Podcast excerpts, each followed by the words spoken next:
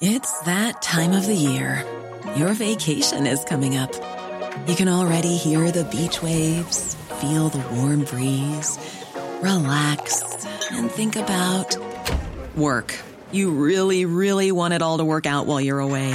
Monday.com gives you and the team that peace of mind. When all work is on one platform and everyone's in sync, things just flow wherever you are. Tap the banner to go to Monday.com. Hey, I'm Ryan Reynolds. At Mint Mobile, we like to do the opposite of what Big Wireless does. They charge you a lot, we charge you a little. So naturally, when they announced they'd be raising their prices due to inflation, we decided to deflate our prices due to not hating you. That's right. We're cutting the price of Mint Unlimited from $30 a month to just $15 a month. Give it a try at mintmobile.com slash switch. $45 upfront for three months plus taxes and fees. Promote for new customers for limited time. Unlimited more than 40 gigabytes per month. Slows. Full terms at mintmobile.com. Burrow is a furniture company known for timeless design and thoughtful construction and free shipping. And that extends to their outdoor collection. Their outdoor furniture is built to withstand the elements, featuring rust-proof stainless steel hardware, weather-ready teak, and quick-dry foam cushions. For Memorial Day, get 15% off your Burrow purchase at burrow.com slash ACAST and up to 25% off outdoor. That's up to 25% off outdoor furniture at burrow.com slash ACAST. Palmemordet Mörkläggning med Gunnar Wall del 6 Sveriges statsminister Olof Palme är död. 90 000. Ja, det är mord på Sveavägen. Hörde de säger att det är Palme som är skjuten. Mordvapnet med säkerhet är en Smith Wesson, en revolver kaliber .357. Inte ett svar. Finns inte ett svar. För jag har Polisen söker en man i 35 till 40-årsåldern med mörkt hår och lång mörk rock. Välkomna till podden Palmemordet som idag görs av mig, Tobias Henriksson, tillsammans med Dan Hörning och Gunnar Wall. Det här är det fjärde avsnittet från det release-event som hölls med Gunnar Wall inför släppet av den nya utgåvan av Mörkläggning, Statsmakten och Palmemordet. Men Dan och Gunnar har ju redan tidigare pratat om originalutgåvan av boken i två avsnitt och därför blir det här avsnitt nummer 6 i samma ämne. Trots att det var länge sedan den förra intervjun gjordes så är det här det bästa sättet att få avsnittsnumreringen någorlunda konsekvent. Vill ni hjälpa oss att komma ut med fler avsnitt och att kunna göra fler sådana här event? I så fall får du gärna sponsra oss på patreon.com palmemordet där du skänker en summa per avsnitt vi publicerar. Det är alltså patreon.com palmemordet. Tycker du att Patreon verkar krångligt så går det också bra att donera via Swish. Kontakta oss i privat meddelande på facebook.com palmemordet för att få numret i så fall. Och idag fortsätter vi alltså att prata med Gunnar Wall och ni lyssnare får svar på era frågor från det långa event som vi höll med Gunnar. Och om ni vill se hela eventet som det såg ut när det sändes så finns det på Palmemordets Youtube-sida.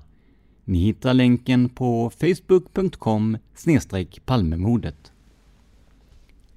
Men innan vi sätter igång med avsnittet vill jag uppmärksamma ett inlägg som Gunnar Wall publicerade på sin blogg här kommer han med nyheter och tankar om Palmemordet och andra aktuella ämnen. Och många finner inläggen både intressanta och genomarbetade. Jag kommer att citera ett inlägg som rör ett annat spår än det som officiellt blev lösningen. Det är spåret Sydafrika. Kanske finns det något i det här som ni tycker är intressant? Så vi börjar med Gunnar Walls ord om det här och sen går vi direkt på artikeln. Inlägget har rubriken “Nytt dramatiskt vittnesmål. Jag såg Craig Williamson i Folkets hus en vecka före Palmemordet.” Gunnar skriver citat Sydafrikaspåret har länge varit en av de viktigaste hypoteserna i debatten om Palmemordet. Och det är den fortfarande, trots att utredningen är nedlagd. Spaningsledaren Hans Melander, som i somras presenterade utpekandet av Stig Engström tillsammans med förundersökningsledaren Christer Petersson, deklarerade för sin del tydligt. Jag anser inte att mordet är löst. Jag anser att vi har presenterat en teori. Och han betonade att frågorna kring Sydafrikaspåret fanns kvar. Citat Hans Melander. Jag tycker att motivbilden är intressant med anledning av att det var vida känt att Olof Palme var starkt kritisk till apartheidregimen och det sätt som de styrande behandlade folket i Sydafrika.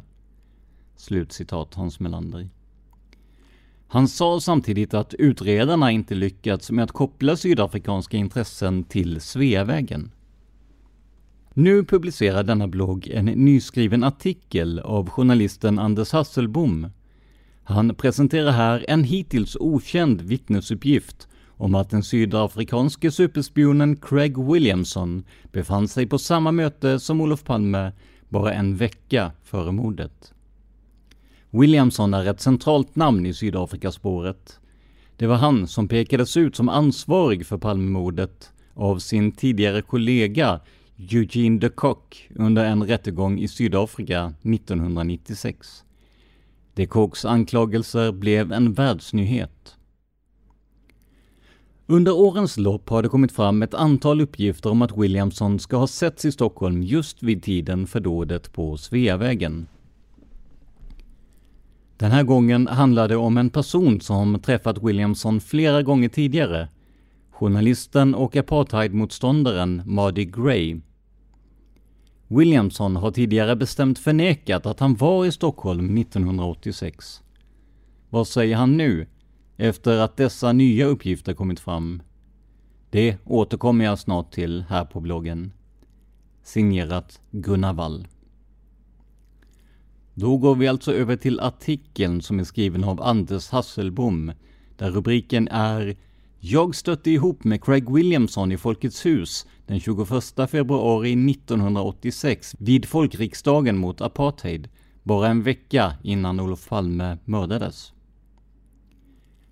Det berättar nu för första gången Mardi Gray, svensk sydafrikanska och en välkänd och högt aktad anti-apartheid-aktivist i både Sverige och Sydafrika. Hon har bland annat arbetat på befrielserörelsen ANCs Stockholmskontor. Jan-Åke Kjellberg, den svenske polisman som allra bäst känner apartheidregimens spioneri och så kallade dirty tricks sedan sin tid som utredare vid den så kallade sanningskommissionen i Sydafrika, säger Mardi Grays vittnesmål är sensationellt och en mycket viktig pusselbit i frågan om den sydafrikanska regimen låg bakom mordet på Olof Palme. Mardi Gray är en välkänd och betrodd anti-apartheid-aktivist som det inte finns skäl att misstro, säger Kjellberg. Vad hon berättar utgör en oerhört viktig information. Jan-Åke Kjellberg fortsätter. Jag tvekar inte ett ögonblick över att Craig Williamson, som är en spion, mördare och lögnare, men också en hyllad spionhjälte och en levande legend med ett stort ego från apartheidtiden, kan ha bestämt sig för att själv resa till Stockholm. Där kunde han lyssna till vad som sades vid folkriksdagen, där många av världens motståndare till apartheidregimen samlades. Ur en nysläppt handling från Palmeutredningen framgår att förre chefen för Rikskriminalen, Tommy Lindström, 2001 uppsökt Lars Nylén, dåvarande chefen för Rikskrim, och rapporterat om Sydafrikaspåret. I Nyléns tjänsteanteckning finns en preciserad formulering om att Williamson varit i den svenska huvudstaden citat 27 till 28 februari 1986. Slutcitat. När jag nu frågar Tommy Lindström om Nyléns notering säger han Nej, inte då, veckan innan.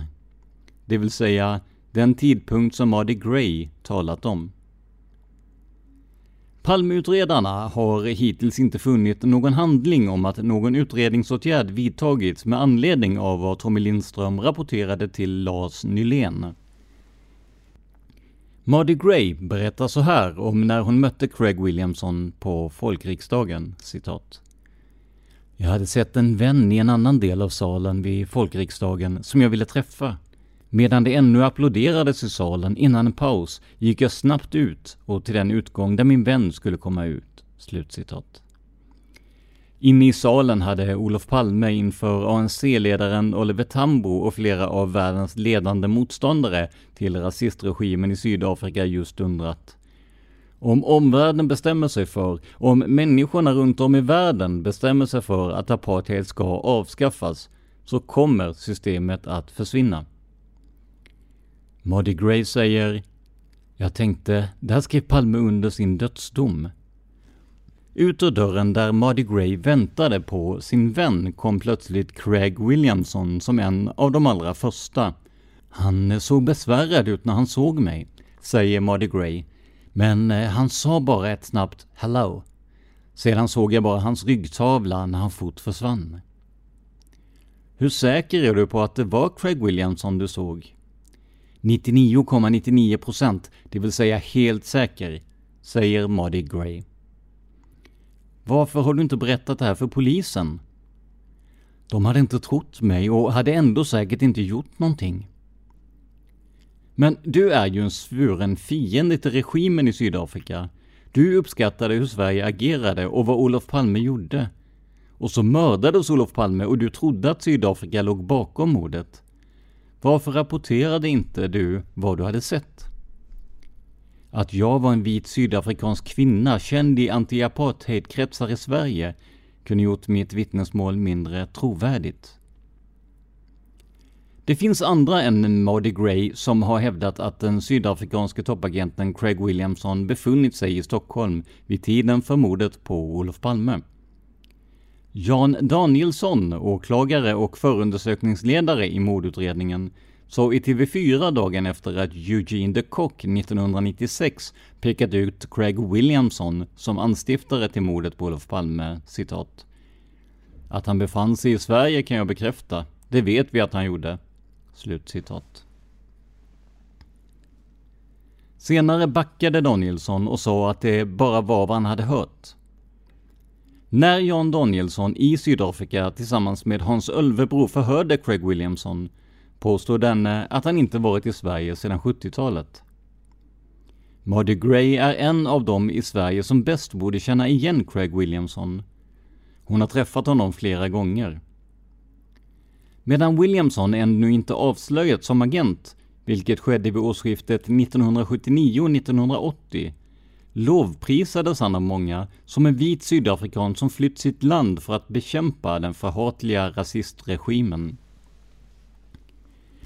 Som vice direktör i IUEF, International University Exchange Fund, i Genève följde på Craig Williamsons lott att emellanåt bland annat besöka Stockholm och träffa representanter för Utrikesdepartementet, Sida och S-företrädare, alltså socialdemokratiska företrädare. Men tidigt förekom tvivel över vilken sida Williamson i verkligheten arbetade för. Mardy Gray berättar att hon träffade Craig Williamson första gången 1977, då UD och Sida bjudit in honom till Sverige tillsammans med Carl Edwards, senare också han avslöjad som spion, och Nicholas Haysom, nu sydafrikansk toppdiplomat. En helt garanterad motståndare till apartheid. Honom hade de båda agenterna lyckats lura med sig för att tjäna som deras garant för att de var genuina regimmotståndare. Mardi Gray Inbjudarna på UD och Sida som nåtts av tvivel kring vem Craig och Carl egentligen agerade för ringde mig och bad mig att träffa dem för att försöka värdera om de var att lita på. Jag träffade de tre och åt middag. Efteråt kunde jag varken bekräfta eller dementera misstankarna mot Craig. Craig Williamson har sedan länge inriktat sig på att finna ut så mycket som möjligt om vad just Sverige företog sig emot en regim som han tjänade. Under slutet av 1970-talet infiltrerade han den till stor del svenskfinansierade och svenskstyrda organisationen IUEF som främst bjöd rasistregimerna i södra Afrika motstånd. IUEF hade svensken Lars-Gunnar Eriksson, S, som chef. Denne stod nära flera svenska S-toppar. Agenten Williamson kunde både inifrån IUEF och vid flera resor till Sverige spionera på Sveriges apartheidmotstånd, opinionsmässigt, politiskt och på Sveriges enorma ekonomiska stöd till befrielserörelserna i södra Afrika och vart exakt de gick. Mardi Gray träffade också Craig Williamson då han några gånger besökte ANC-kontoret på Bondegatan för att möta Sobisana Biso Mgikana, ANCs chefsrepresentant i Sverige. Hon mötte även Craig Williamson på egen hand flera gånger. De åt middag tillsammans vid minst tre tillfällen. Hon skjutsade honom också vid ett par tillfällen i bil. Hon vill minnas till flygbussarna eller Arlanda. Vid ett tillfälle medan Mardi Gray arbetade på ANC-kontoret på Bondegatan frågade Williamson henne hur mycket hon tjänade på att jobba där. Lönen var mycket blygsam. Kanske kan jag erbjuda dig något bättre när jag kommer nästa gång, sa den då ännu inte avslöjade spionen. Mardi Gray. Jag har tidigt känt att jag inte helt kunde lita på Craig, inte tillräckligt starkt för att försöka avslöja honom, men tillräckligt för att inte ge honom förtroenden. Jag träffade honom bara därför att flera ledare i både England och Sverige trots varningar hade godkänt honom. Av en slump stötte Mardi Gray ihop med Craig Williamson på Mariatorget en fredagseftermiddag i mitten av mars 1978. Det var ren otur för Craig att jag råkade möta honom där, säger Mardi Gray.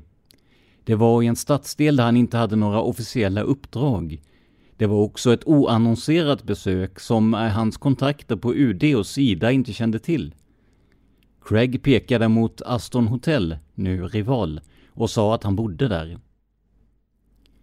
Samma kväll satt Mardi Gray på restaurangen Lilla Paris då en indier sökte hennes sällskap och erbjöd sig att bjuda henne på vin. Han ställde många personliga frågor om min sydafrikanska bakgrund, om böcker jag läst, vad jag engagerat mig i och liknande. Jag sa att jag inte trodde att han kom från Indien, utan att han var från Sydafrika, då jag kände igen hans dialekt. Han försökte övertyga mig att han kom från Goa i Indien, där han sa att man hade en sådan dialekt.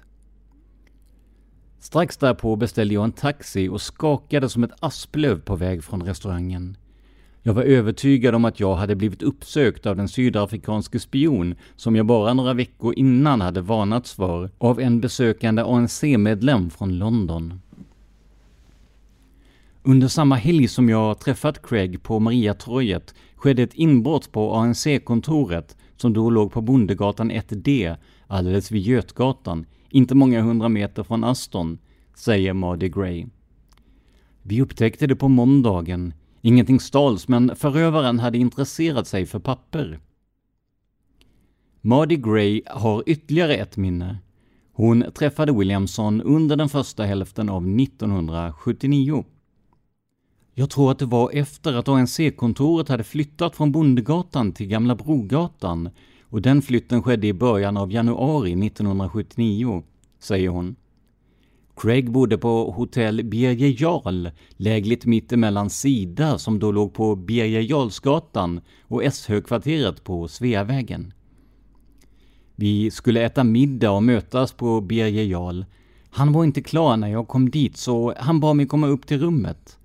Han stod och grävde i sin resväska och tog upp en fin och dyr whisky och sa Du skulle bara veta vem som ska få den här. Under middagen på en restaurang i närheten av hotellet viftade Craig med armen och sa att whiskyn skulle någon få som hade anknytning till de allra närmaste kvarteren.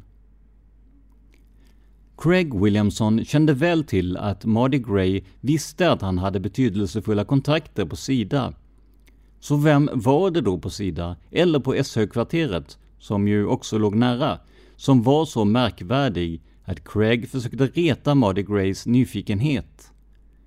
Mardi Gray, vid den här tiden allt mer misstänksam mot Williamson, berättar att hon vid ett tillfälle under den middagen sa till Williamson Innan du tänker komma med något förslag till mig så vill jag att du ska veta att jag aldrig vill göra någonting för regimen. Craig Williamson viftade då snabbt bort vad hon just sagt. Nej, nej, inte nu. Det var den sista gången Muddy Gray träffade Craig Williamson.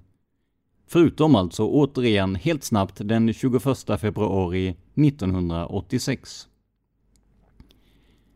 Nej, han var inte efterlyst och reste säkert på ett av sina falska pass, säger Jan-Åke Kjellberg. Var det så att han bara kom för att lyssna på vad som sades vid folkriksdagen så tog han ingen risk. Där slutar vi citera det här inlägget och artikeln. Craig Williamson har senare förnekat att detta stämmer, men självklart får man anse att det ligger i hans eget intresse att distansera sig så mycket som möjligt från händelserna på Sveavägen 1986. Vad ni drar för slutsatser av artikeln är helt och hållet upp till er, men jag tyckte att det var så pass intressant att det i alla fall var värt att ha med i podden. Men med det sagt går vi raskt över till era frågor till Gunnar Wall. Först av allt släpper vi fram Dan som har en fråga om mötesscenariot. Jag tänkte på mötesscenariot. Du tar ju upp det redan då i första utgåvan av Mörkläggning. Mm. Men vad har egentligen hänt med mötesscenariot? Har det kommit fram någonting nytt? Speciellt nu under den senaste tiden. Ja, alltså dels det kom ju faktiskt, de har hittat ett, kom ett förhör med Anna Hage där hon, ett sent förhör med Anna Hage där hon också tyckte att hon hade uppfattat en kontakt mellan makarna Palme och gärningsmannen. Det har ju släppts nu eh, men eh, där får man väl vara lite försiktig med att dra slutsatser eftersom det är ett så sent hållet förhör såklart. Eh, annars så tycker väl jag att eh, en eh, sak som är intressant i sammanhanget är ju det att väldigt länge så betraktades ju mötesscenariot av många som fullkomligt osannolikt eftersom Lisbeth hade sagt att det var på ett helt annat sätt. Eh, nu så kom ju Petersson och la ner utredningen med ett svar som gick fullständigt stick i stäv med det Lisbeth hade sagt. Hon hade ju varit kategorisk om att det var Christer Pettersson. Eh, och eh, det var ju inte så att inte så att Petersson försökte sig på någon sorts invecklat resonemang med att både Stig Engström och Christer Pettersson stod i det där hörnet utan han, eh, han, bara, han bara släppte Pettersson, liksom. avfärdade honom helt enkelt. Och avfärdade ju därmed också Lisbeth. Han försökte ju inte på något sätt att få ihop Stig Engström med, med uttalanden från Lisbeth på något sätt. Så att där kan man ju säga att det som har blivit den officiella sanningen om Palmeutredningen är ju det att Lisbeth Palmes uttalanden är fullständigt otillförlitliga kan man säga. Eh, eh, om man ska tolka Peterssons uttalande rätt. Och det, och det, är ju, eh, det är ju naturligtvis någonting som gör att eh, kan man ju säga kanske att det öppnar ju för mötesscenariot på det sättet att, eh, att man kan inte längre så att säga slå folk i huvudet med att så sa ju inte Lisbet. utan, utan nu måste man jaha, nu har vi en diskussion då Lisbet Palmes uttalanden inte längre, inte längre har den, den tyngd som det hade tidigare. Jag har skrivit rätt mycket om Lisbeth i huvudet på en påle. Andra halvan av den boken handlar speciellt om Palmeutredningen och framförallt om Lisbeth. Och jag menar ju det att eh, alltså jag, vill, jag vill ju vara noga med, jag vill inte framställa Lisbeth som att hon skulle ha varit ute i några eh, skumma eller skurkaktiga syften utan, utan jag tror att hon blev väldigt snabbt inklämd i en position som, eh, som har varit väldigt svår för henne att hantera. Så att eh, Alltså en sak som, som har gått igenom Lisbeths uttalande hela tiden har ju varit att det, det är viktigt med väldigt stor sekretess omkring utredningen, inte minst om hennes uttalanden. Hon, hon tog upp det i många sammanhang.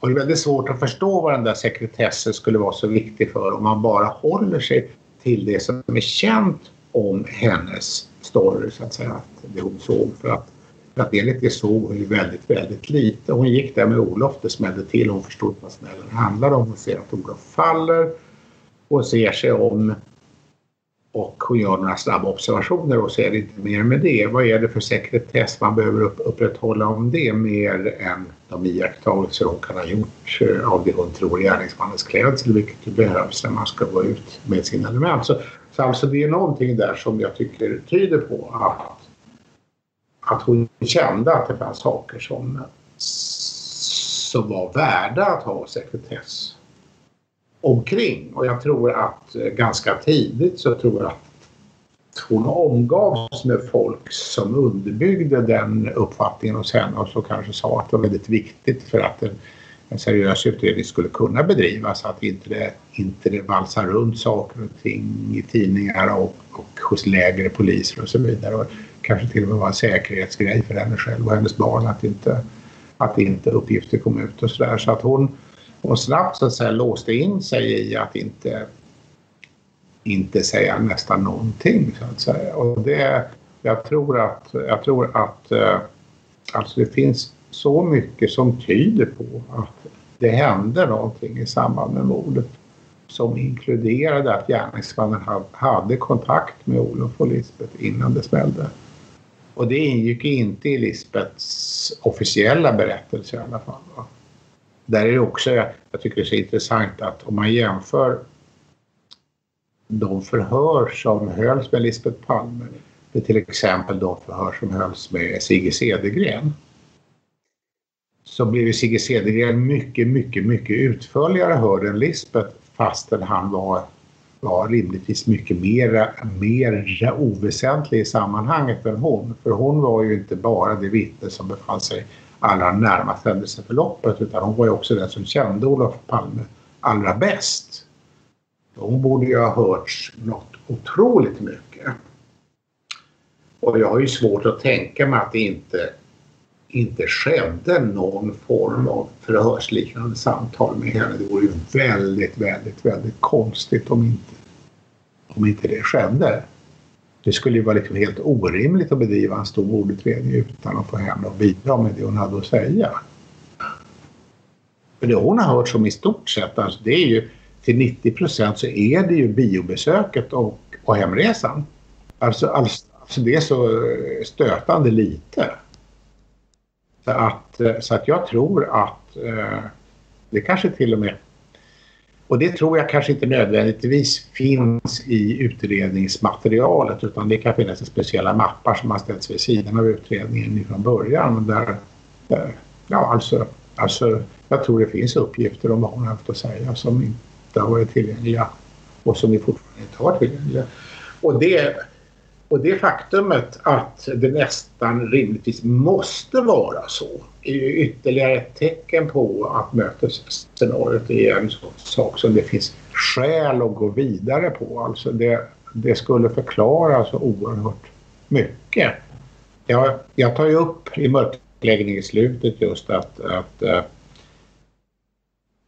att en anledning till att mordutredningen kom att svänga mellan två ytterligheter under de första åren. Å ena sidan då PKK-spåret så skulle det vara konspiration, ett planlagt attentat med ett flertal personer inblandade och en ensam gärningsman som bara råkade skjuta Palme. Så anledningen till att man på så kort tid kunde ha två så diametralt olika hypoteser tror jag beror på att båda två eh, var så svaga. Alltså det är väldigt svårt att tänka sig ett planlagt attentat som bara handlar om att skugga offret och komma fram till att det skulle ha ägt rum där det gjorde. Det hade varit oerhört mycket enklare att se till att ett planlagt attentat i sådana fall genomfördes på en plats där man i förväg visste om att Palme skulle dyka upp. Och där fanns det ju alltså massor med förannonserade tillfällen då Palme skulle prata på olika offentliga möten. Och det fanns dessutom hans regelbundna vanor att han saknade livvakter när han gick hem till sin bostad och från sin bostad dag efter dag så att säga. I Gamla stan rörde han sig utan livvakter. Det kan inte vara svårt att upptäcka det för den som intresserade sig. Och då skulle man ju kunna ha, har bestämt sig för att iscensätta en plan inklusive flyktväg utifrån en sån förhandsinformation.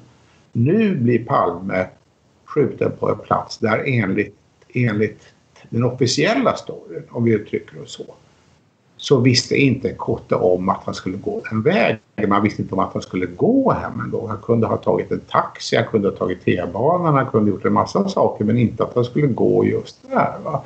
Så att om det var planlagt så krävs det nästan att på något sätt visste gärningsmännen om Palme skulle komma dit.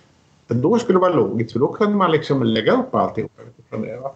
Om det var en ensam gärningsman så är det inte riktigt på det sättet. Men då kan man säga så att om det var en ensam gärningsman som stötte på Palme vid Grand så är det ju fortfarande en väldigt lång sträcka innan han sätter sin plan i verket. Så stora risker att det ska uppstå något som, som stör upplägget så att säga.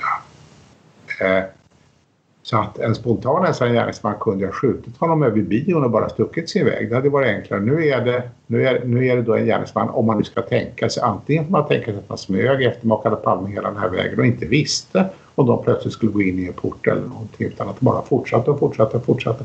Eller om han vore så här fruktansvärt snabb som jag inte kan tänka mig egentligen att han liksom skulle ha rusat i förväg, ställt sig i gathörnet och hoppats att eh, han ställde sig på rätt ställe så att ingenting skulle äventyra hela. Alltså det, det är också konstigt. Va? Det stämmer inte riktigt med hur man tänker sig att spontant agerande ensam gärningsmän skulle göra. Det blir lite krångligt. Va? Medan det däremot blir ganska enkelt om man tänker sig som så många mord faktiskt är upplagda. Antingen att man väljer en plats där en person regelbundet infinner sig eller alternativt att man, att man har sett till att personen ska komma dit.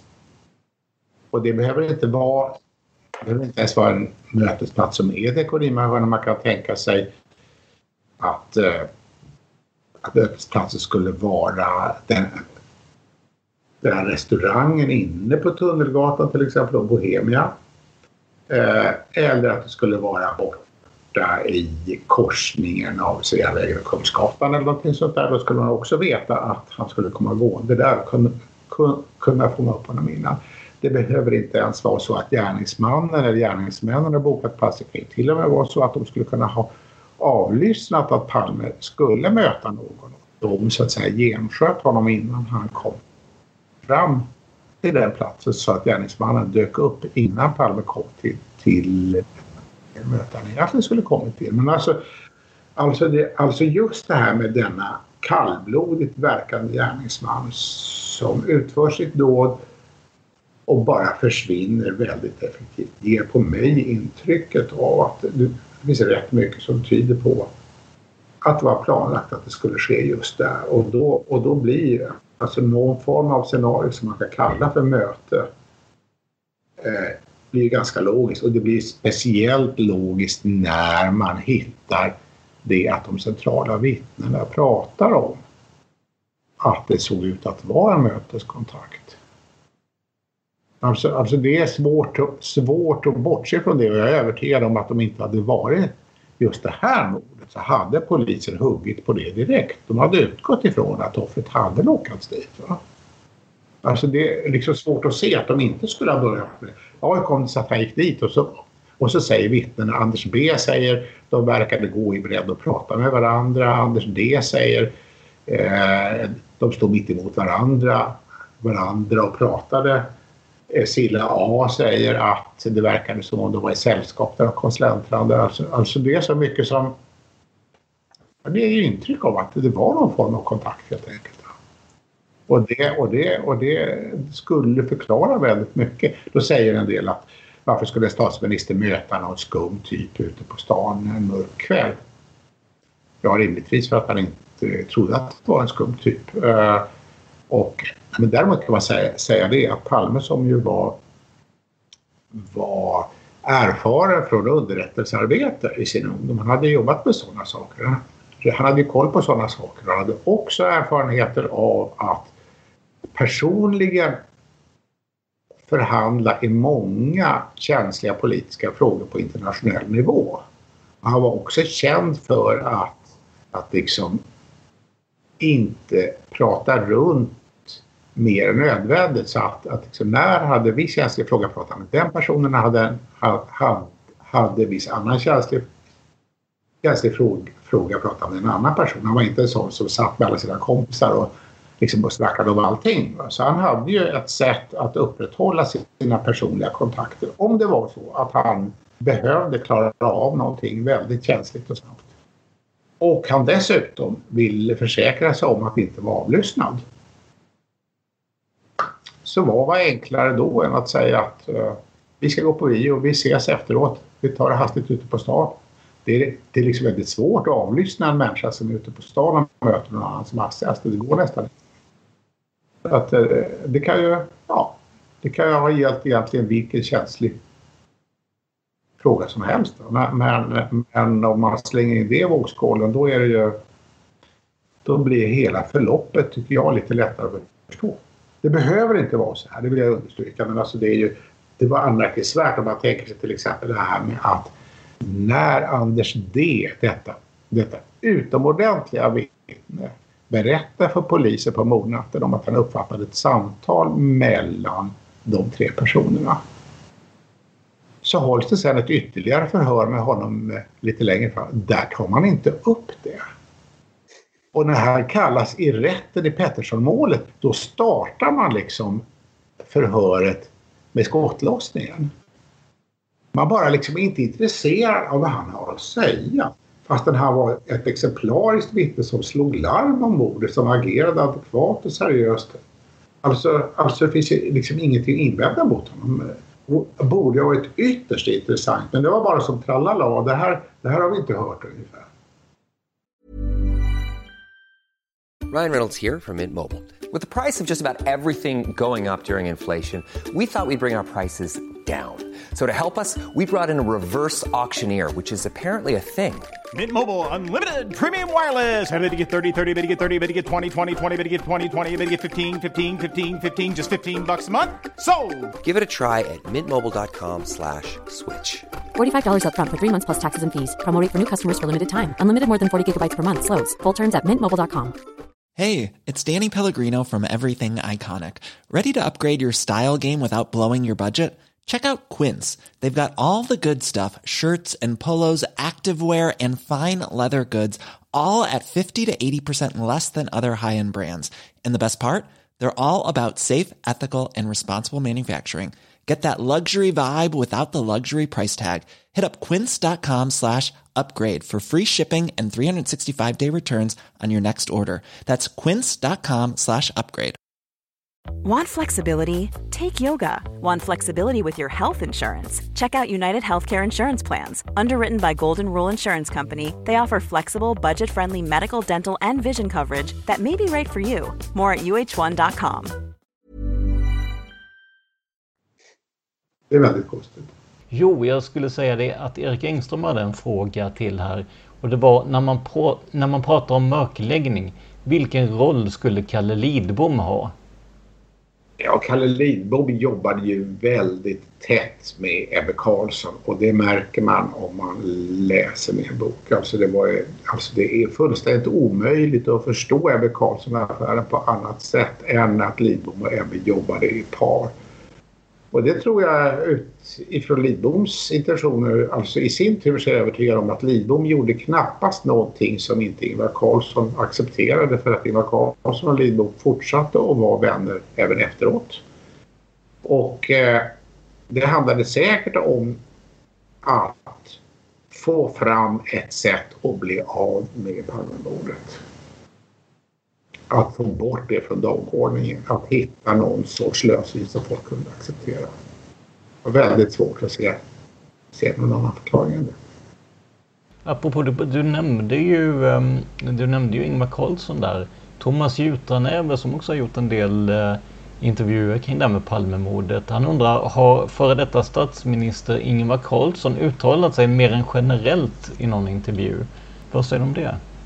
Ja, jag försökte, jag försökte inför min bok eh, en av mina böcker som jag skrev för några år sedan. Och på en intervju hävdade han att han inte kommer ihåg så väl längre. Men Lars Borgnäs intervjuade Ingvar Carlsson i en bok som heter Nationens intresse. Eh, där gör Ingvar Carlsson vissa uttalanden. Sen var han, han var ju uppe i, i KU och förhördes Eh, rätt utförligt och han har ju skrivit flera memoarböcker och där finns det också korta passusar.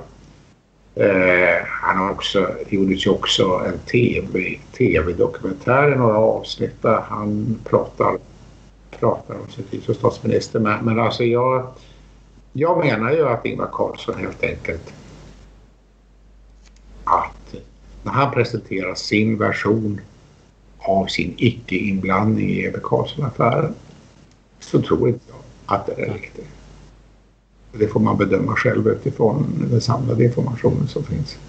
Jenny Lorentzon har eh, två styck, stycken frågor var vi hade skrivit ner en så här. Men vi börjar med Hej! Är det utrett om Palmes sista telefonsamtal hemma på mordkvällen gick till en brittisk kvinnlig professor som han ska haft en relation med? Här blir det ju här blir det, det är lite, lite snaskig eh, antydning här. Vad, vad säger du om det? Ja, nej, alltså, det syftar ju på, på Emma mm. Rothschild som, som han nära kontakter med. Hon, hon bodde ju i Stockholm och hade ju, eh, arbetade på det svenska fredsforskningsinstitutet SIPRI.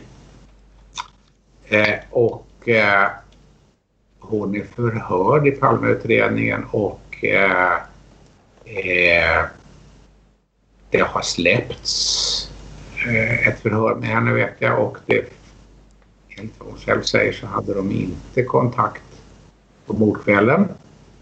Eh, jag vet att det har spekulerats en del om det där. Eh, jag, kan, jag kan tänka mig alltså, alltså exakt vilken typ Eh, av relation de hade, det vet jag inte men det är ju säkert Säkert kan man säga att de diskuterade ju säkerligen nedrustningsfrågor eh, mycket med varandra. Det är också värt att notera att hon hade, hon hade en lägenhet i Gamla stan, inte så långt ifrån Palmes.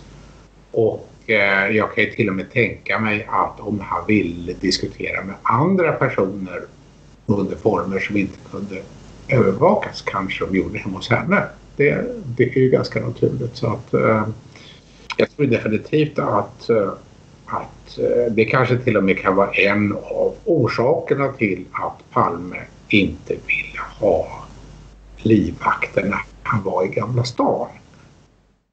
För att annars kan man ju tycka det att var det någonstans där han verkligen borde ha livvakter så borde det vara i Gamla stan. Där så att säga honom visste om att han rörde sig. Va?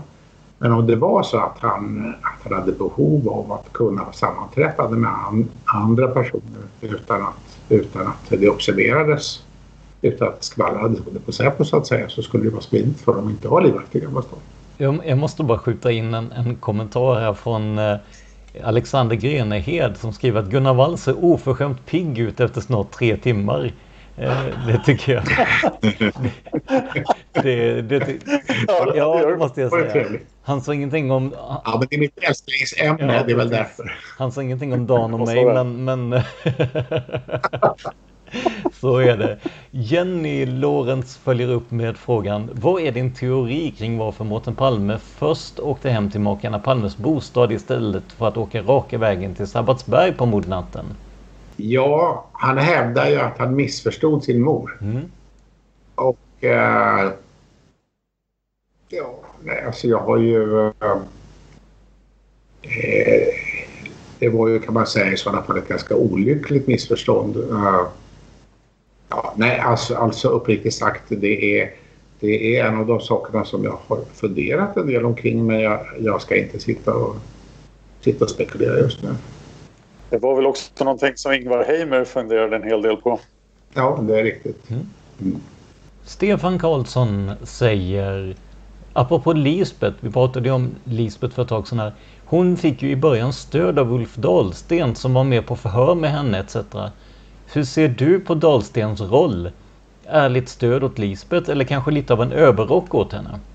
Han var ju säkerhetsansvarig i statsrådsberedningen så han hade ju en väldigt eh, central roll när det gällde sådana frågor. Och enligt vad han själv har framställt det som så var det just eh, i, liksom utifrån sin yrkesroll som han tog nära kontakt med Lisbeth och han var ju också, ja, exempelvis det här med att han satt ju med på det första formella förhöret med Lisbeth den första mars. Sen har han ju beskrivit i sin egen bok att han hade väldigt nära kontakter med henne under de år som följde. Och eh,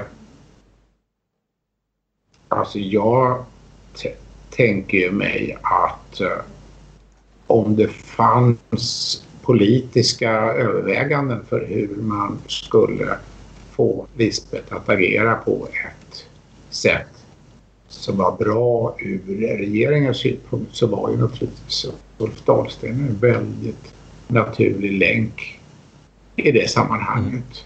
Mm. så att, ja, alltså det, det är ju, jag, jag kan mycket, alltså jag ser det som ganska klart att Dahlsten måste ju ha gjort eh, politiska kalkyler i sitt sätt att förhålla sig till Lisbeth. Det vore konstigt annars. Vi har en fråga från Tobias Jeppsson som likt många andra eh, tittare här idag är ett bekant namn för oss Palmeintresserade. Vad tror Gunnar om utpekandet av bland annat Craig Williamson och Bertil W i sanningskommissionen i Sydafrika 1996 och sammanträffandet att Bertil W och Anders Larsson som lämnade den här varningen vi pratade om då innan mordet kände varandra. Vad tror du om de här eh, ja, Eh, utpekandena och eh, ja, de interna, att man kände varandra internt så att säga? Ja, alltså det är helt klart att det fanns ju eh, eh, kretsar som inte gillade Palme och som rörde sig på olika politiska nivåer där de så att säga sammanstrålade. Och eh, där stötte man ju på de här personerna i eh, i den rikhaltiga litteratur som har skrivits om Palmeutredningen och eh, man kan ju inte friskriva Williamson från, från inblandning i mordet eh, och inte heller Bertil W. Eh,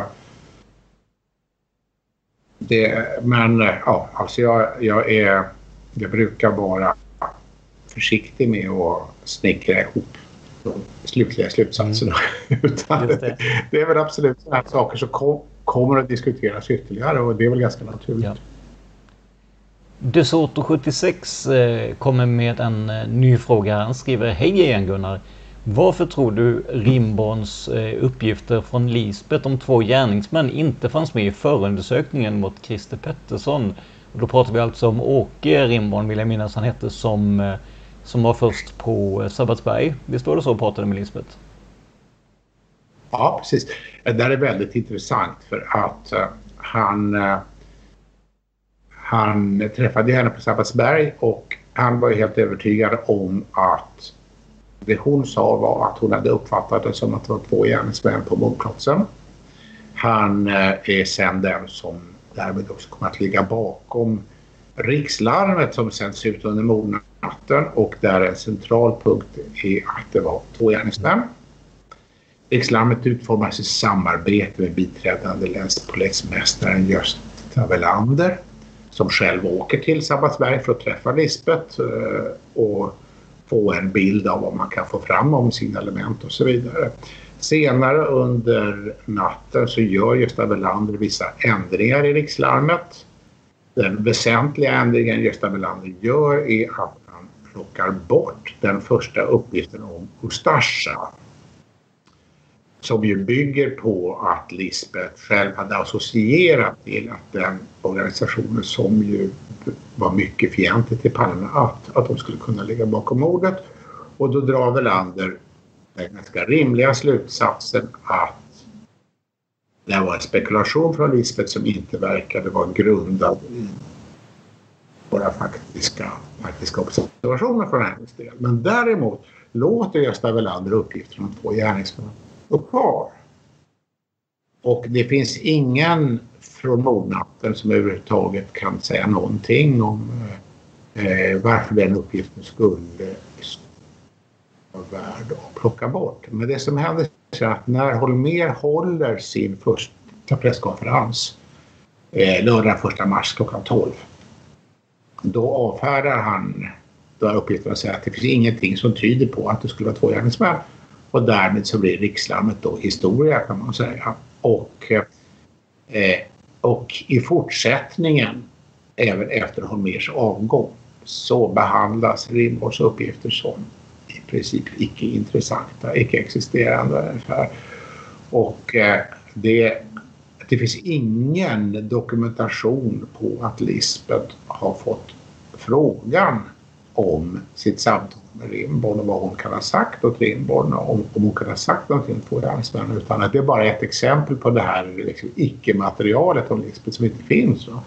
Och det blev ju naturligtvis eh, när man skulle genomföra åtalet mot Pettersson så var det naturligtvis uppgifter om att Lisbeth skulle ha talat om två gärningsmän. Det skulle ju så att säga slå sönder åtalet så det ville man inte ha med och jag kan bara uppfatta det som att man valde bort Rimborn fastän han rimligtvis borde ha redovisats i förundersökningsmaterialet. De hade ju med en annan polis, eh, Kristiansson, som också pratade med Lisbeth på mordet. Och han skriver en PM som han skriver flera veckor efter mordet. Det tar de med i förundersökningsmaterialet. Därför, därför att han inte tar, talar om två gärningsmän. Så det är nästan som att han lyfts fram så att man inte ska behöva ha mer info. Man undrar varför bad, bad, bad de honom att skriv, skriv, skriva en PM flera veckor efteråt.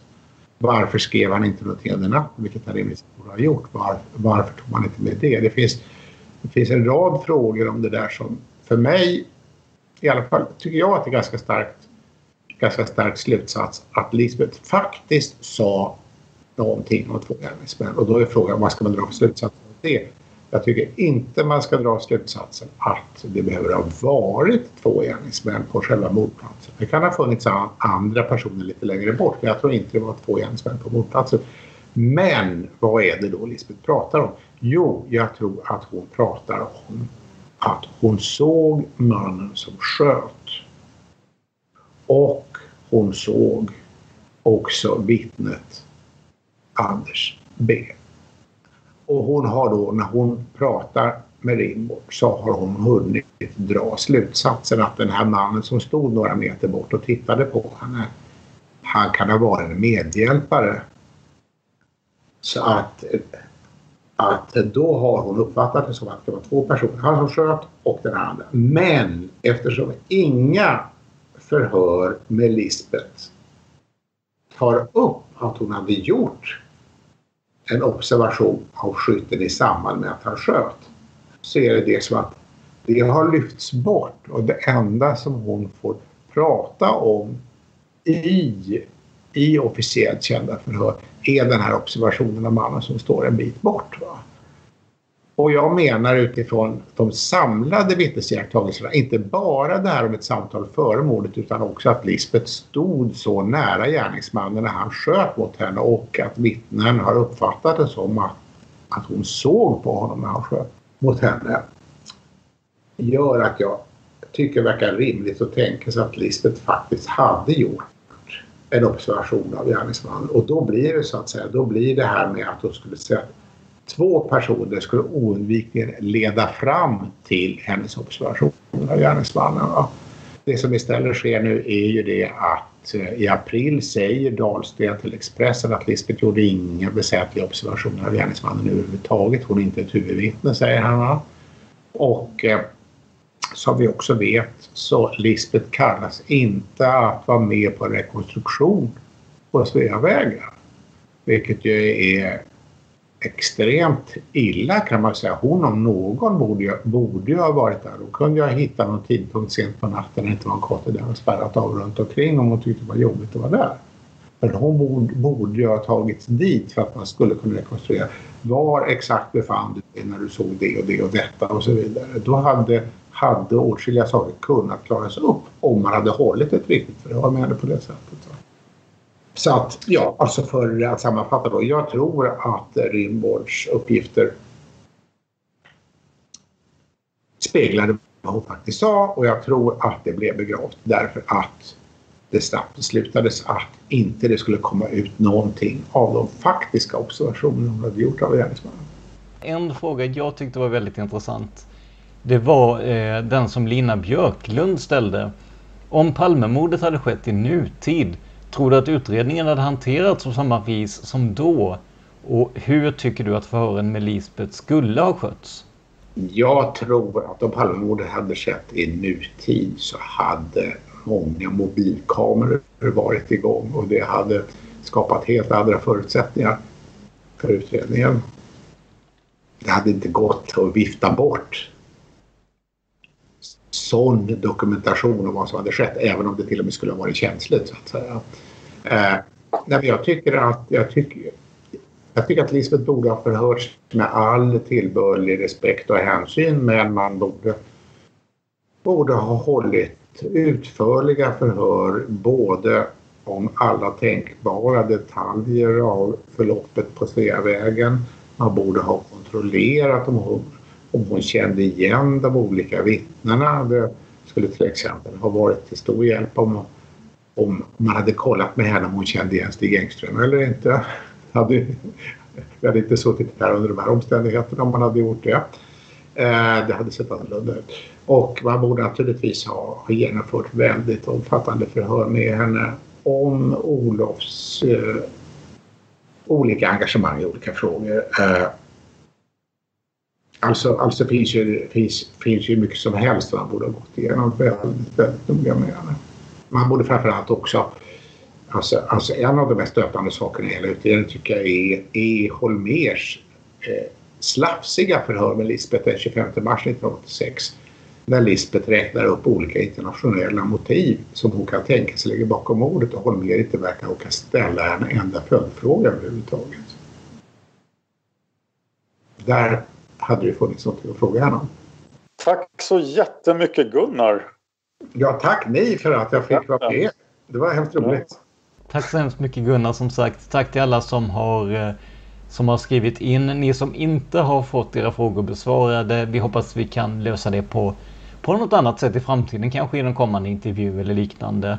Eh, men vi har fått in jättemånga bra frågor. Så stort tack till er. Stort tack till Gunnar. Och boken Mörkläggning, Statsmakten och Palmemordet i ny utgåva kommer alltså Ja, kommer snart att finnas ute i, i butikerna i alla fall. Med det så får väl vi säga eh, tack och hej för ikväll helt enkelt. Och eh, är ni intresserade av eh, boken så vet ni var ni hittar den. Är ni intresserade av att lyssna på podden Palmemordet som ju Dan och jag representerar så finns vi på facebook.com palmemordet. Där har ni mer information om oss också. Och som sagt, tack för att ni hängde med och ha en eh, fortsatt trevlig kväll helt enkelt. Så säger vi hej då! Därmed sätter vi punkt för de här fyra avsnitt långa samtalen med Gunnar Wall. Och vi hoppas givetvis kunna återkomma med mer från Gunnar om ni som lyssnare skulle känna att det vore intressant. Glöm inte att du kan sponsra oss på patreon.com palmemodet för att vi ska kunna komma ut varje vecka och för att vi ska kunna ta oss an stora spår. Glöm inte heller att du kan se hela eventet på cirka tre timmar på Youtube. Länk finns på vår Facebook-sida facebook.com palmemodet där du också kan diskutera avsnitten med mig och Dan. Det här var veckans avsnitt av podden Palmemordet som idag gjordes av Tobias Henriksson, Dan Hörning och Gunnar Wall. Avsnittet producerades av PRS Media som ni kan hitta på facebook.com prsmedia.se. Stort tack för ert stöd under alla de avsnitt vi gjort hittills. Men framförallt, stort tack för att du lyssnar på podden Palmemordet. Man hittar Palmes mördare om man följer PKK-spåret till botten. Därför att ända sedan Julius Caesars tid har det aldrig hört talas om ett mord på en framstående politiker som inte har politiska skäl. Polisens och åklagarens teori var att han ensam hade skjutit Olof Palme. Och det ledde också till rättegång.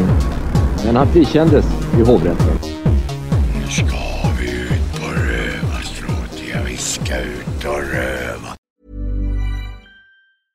Hey, it's Danny Pellegrino from Everything Iconic.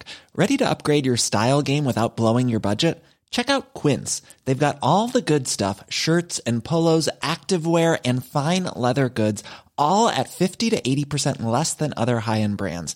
And the best part? They're all about safe, ethical, and responsible manufacturing. Get that luxury vibe without the luxury price tag.